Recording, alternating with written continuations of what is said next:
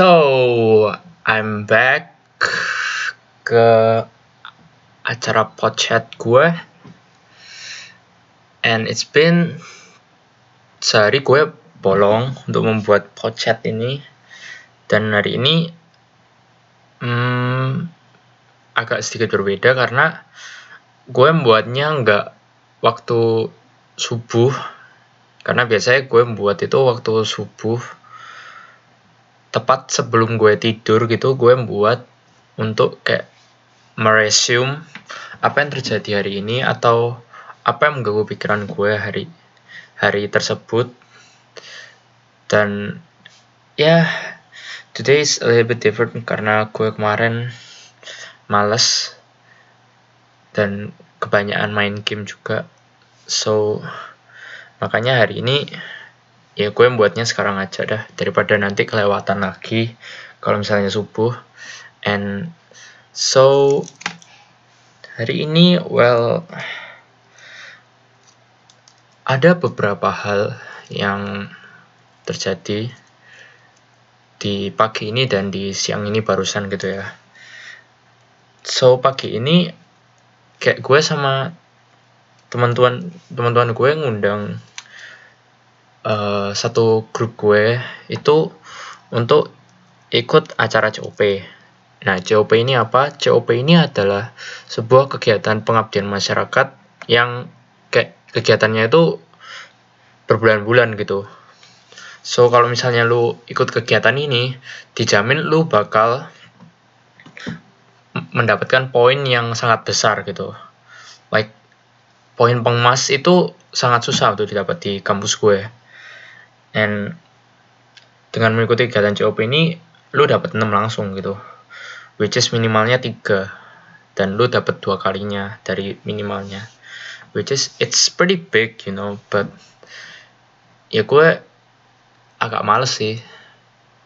Karena kegiatannya itu berhubungan dengan corona dan gue takutnya kegiatan ini itu kayak nyuruh gue keluar untuk membagikan apa, memberikan penyuluhan dan semacamnya ke RTW terdekat, which is it's pretty hard for me.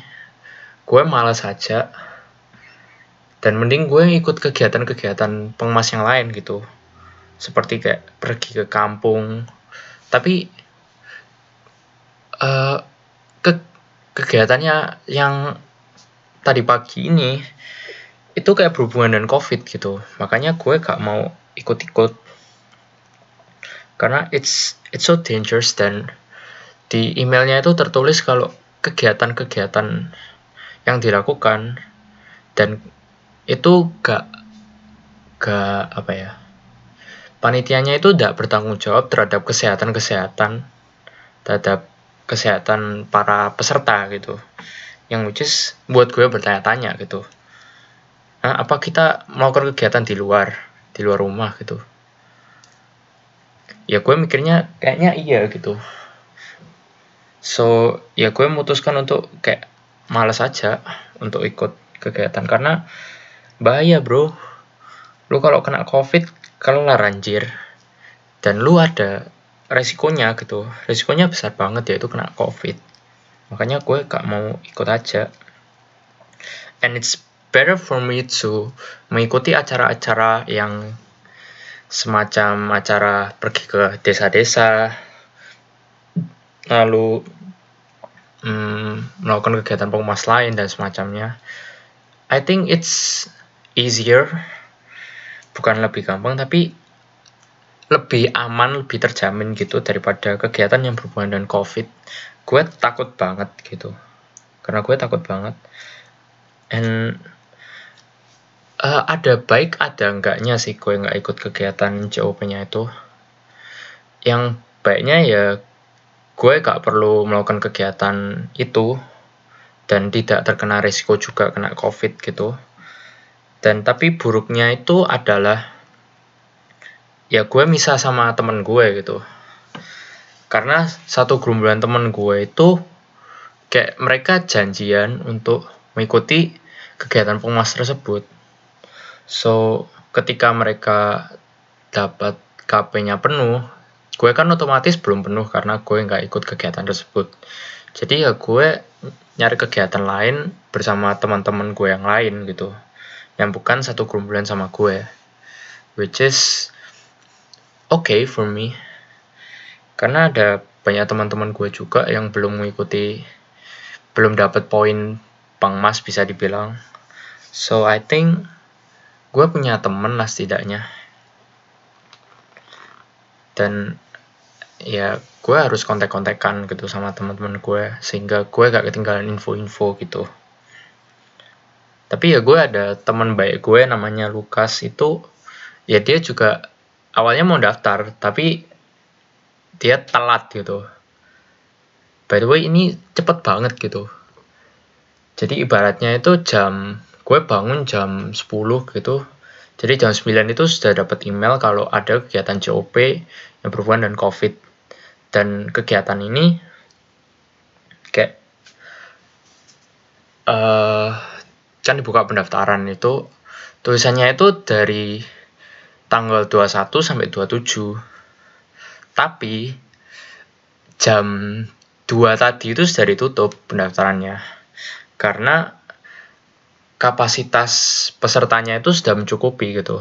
Jadi maksimal kapasitas pesertanya itu ada 120 peserta. Yang which is ya cukup banyak. Tapi ya karena ini poin pengemas jadi banyak mahasiswa yang kayak serubutan gitu. Ya mereka cepet-cepetan mau cepet kelar gitu. Cepet selesai cepet penuh poinnya. Makanya cepet banget gitu ditutup uh, pendaftarannya gitu. So jadinya ya ya udah. Gue ikut acara-acara yang lain aja. Karena gue yakin ada banyak acara juga gitu. Yang berhubungan dengan pengemas tapi bisa dikatakan tidak sebanyak itu sih. Karena untuk mendapatkan KP pengemas ini terkenal susahnya gitu dan gue harus ngikut acara-acara yang di luar di luar prodi gue. Kayak program studi manajemen, program studi uh, sastra, program studi arsitek dan semacamnya, ya gue harus lihat-lihat terus ada info atau enggak tentang KP Pengmas ini. So, yeah, it's okay for me untuk kehilangan, untuk gak ikut acara ini. Ya karena orang tua gue jujur juga kayak takut gitu. Dan selalu ngingetin gue akan bahayanya COVID-19 ini. Apalagi sekarang kita belum belum ada vaksin gitu. Katanya sudah mau diuji coba gitu dan sebentar lagi akan ditemukan vaksin tapi hmm, para tenaga medis mengatakan kalau nggak mungkin nggak mungkin tiga bulan selesai sih dan mungkin tahun depan baru diproduksi massal vaksin ini. So, ya masih banyak waktu. Bukan masih banyak waktu, tapi masih panjang untuk COVID ini sampai berakhir dan ya sudah jalani aja gitu. So, dan ada hal lain yaitu gue disuruh jadi penjaga acara sebagai panitia gitu kan untuk acara BAC nah karena gue panitia humas gue harus jadi ikut menjaga gitu kalau panitia lain itu enggak panitia humas sama sekret lebih tepatnya. Jadi kita harus menjaga gitu. Ya enggak apa-apa. Tapi ya yang buat gue kesel acaranya tuh pagi. Jam 8.45 anjir. Jadi gue harus kayak standby harus bangun pagi untuk mengikuti acara ini. Which is males kenapa kok pagi banget gitu? Nggak pagi banget cuma ya gue malas aja jam 8.45 sih. Belum gue ganti baju cepet lah. Terus bangun ganti baju. Terus kayak harus persiapan dan semacamnya itu ya butuh waktu gitu. Dan kenapa kok nggak ada rapat dari kemarin-kemarin ini dan dikasih taunya mendadak banget gitu ya gue awal-awal dapet line itu kayak anjir kok gue suruh jaga kaget gue bangsat.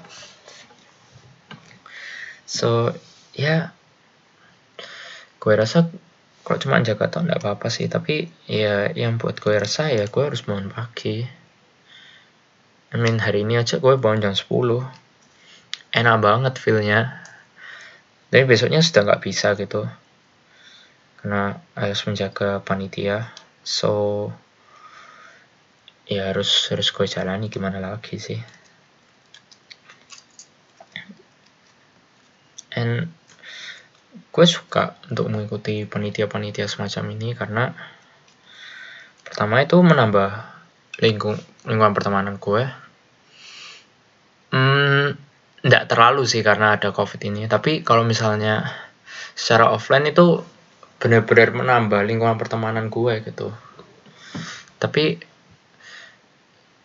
karena adanya COVID, jadi kalau misalnya ada rapat dan semacamnya ya kita gak bisa ketemu langsung gitu. So kita bertemunya hanya lewat online meet, Google Meet lebih tepatnya, dan ya kita saling berdiskusi dan semacamnya gitu. So kalau misalnya offline gitu, kita kan bisa ketemu langsung sama orang-orang baru yang kita nggak kenal gitu. Misalnya humas humas dari panitia gue itu ada sepuluhan orang dan bisa dikatakan setengahnya itu mahasiswa baru dan setengahnya itu angkatan gue. Kalau angkatan gue ya gue nggak perlu kenal lagi. Gue sudah sebagian besar kenal lah. Tapi kalau maba-maba ini kan gue banyak yang nggak kenal gitu. So I think itu kayak membuka peluang gue kalau misalnya gue offline. Dan sayangnya melalui online ini nggak bisa. Karena ya kita cuma mm, melakukan lewat online kita nggak ketemu satu sama lain. So it's really hard for me. Tapi ada positifnya yaitu gue nggak perlu pergi-pergi gue hanya perlu stay di rumah di kasur gue untuk mengawasi adanya lomba gitu. I mean it's it's easy easiest job I think. Tapi gue benci aja. Gue nggak bisa ketemu teman-teman gue. Gue nggak bisa ketemu orang dan semacamnya. Padahal itu bisa menjadi kesempatan yang menyenangkan menurut gue untuk ketemu orang-orang and some other things dan melakukan banyak hal ketemu peserta-peserta lomba yang lain dan semacamnya. But ya yeah, gue gak, gak bisa mengeluh terlalu banyak sih karena it's beyond my control you know. Karena hal semacam ini itu kayak tiba-tiba aja datang bus gitu dan semua acara, semua kegiatan yang sudah ter, terjadwal itu kayak gagal semua sih bisa dikatakan. Uh, gue gak kebayang kalau misalnya gue punya bisnis gitu and some other things pasti berdampak banget gitu ke bisnis mereka. Dan kasihan juga, padahal nih restoran ini sejauh ini lancar masih menghasilkan profit gitu. Saya restoran A gitu ya. Restoran A lancar nih bisa menghasilkan profit. Tapi karena ada ini ya penghasilan tentu saja berkurang. Terus kayak harus membiayai koki karyawan dan semacamnya. Kan fuck up gitu jadinya. So kalau misalnya bikin bisnis ya ada risiko semacam ini gitu. Dan risiko semacam ini itu kayak uh, susah buat ditangani lebih tepatnya. Pemerintah aja kewalahan gitu. Bukan cuma pemerintah Indonesia doang tapi satu dunia ini kewalahan gitu.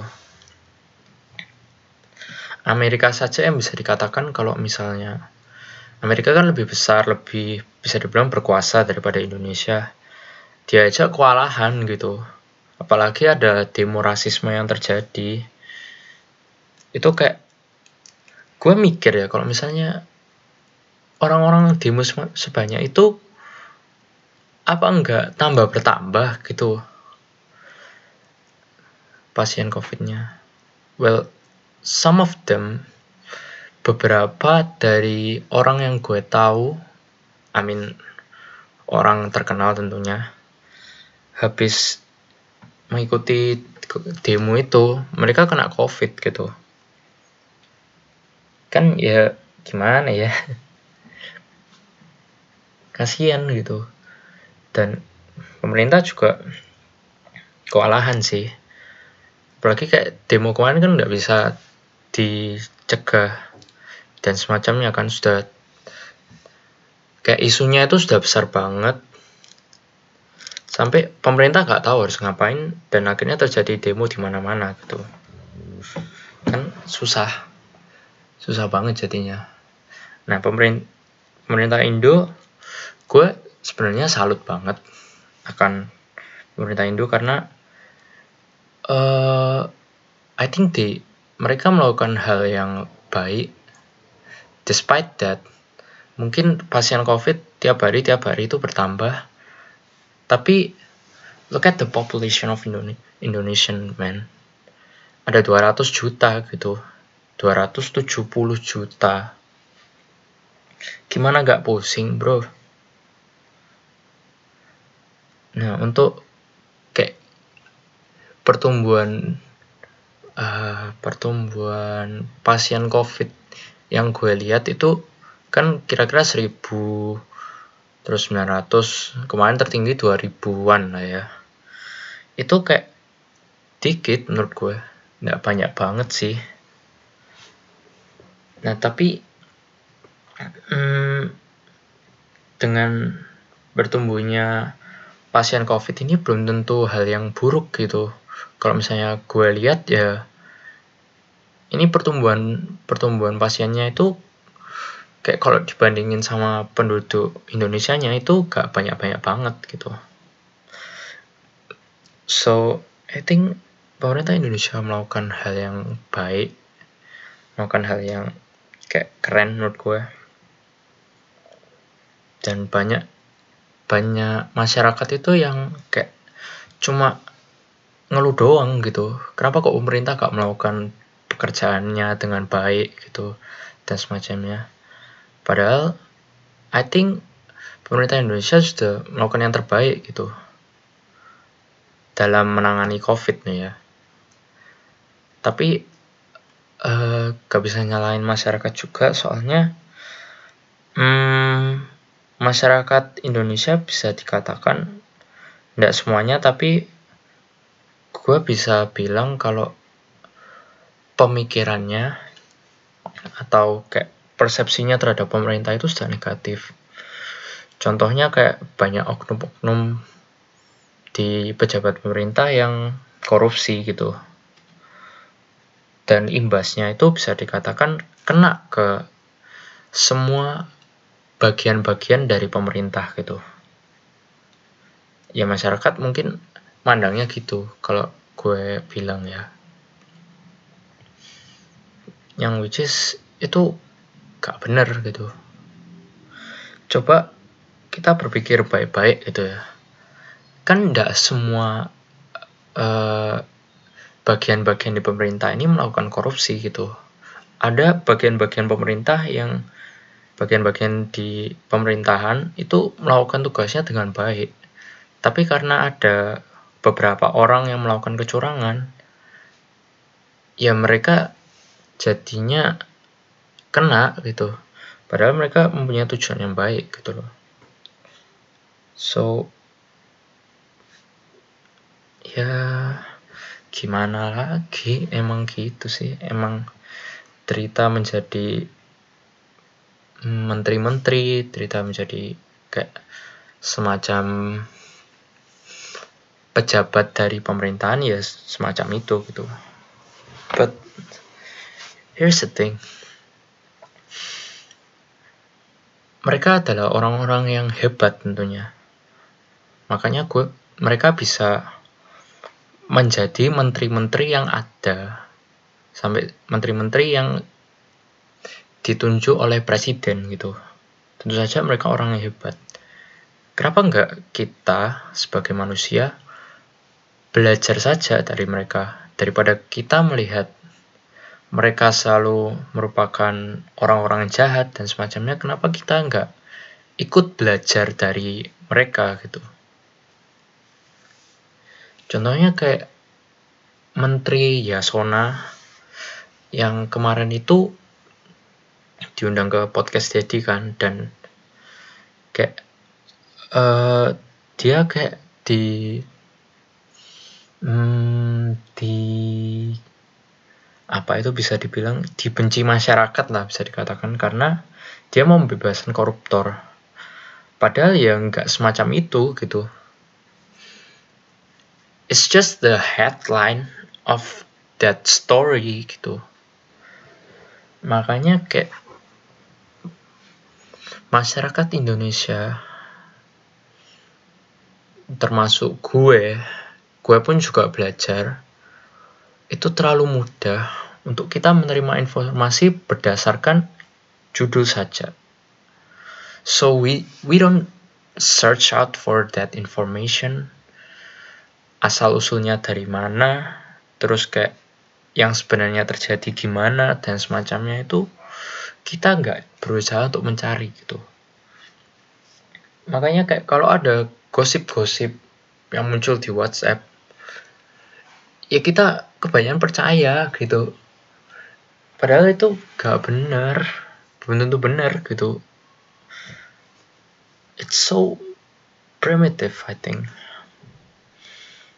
makanya dengan adanya sosmed itu belum tentu baik sih ada berita-berita yang kayak bisa dikatakan menggiring opini suatu masyarakat ke suatu pemikiran tertentu. Nah, ini yang kayak tidak baik juga gitu.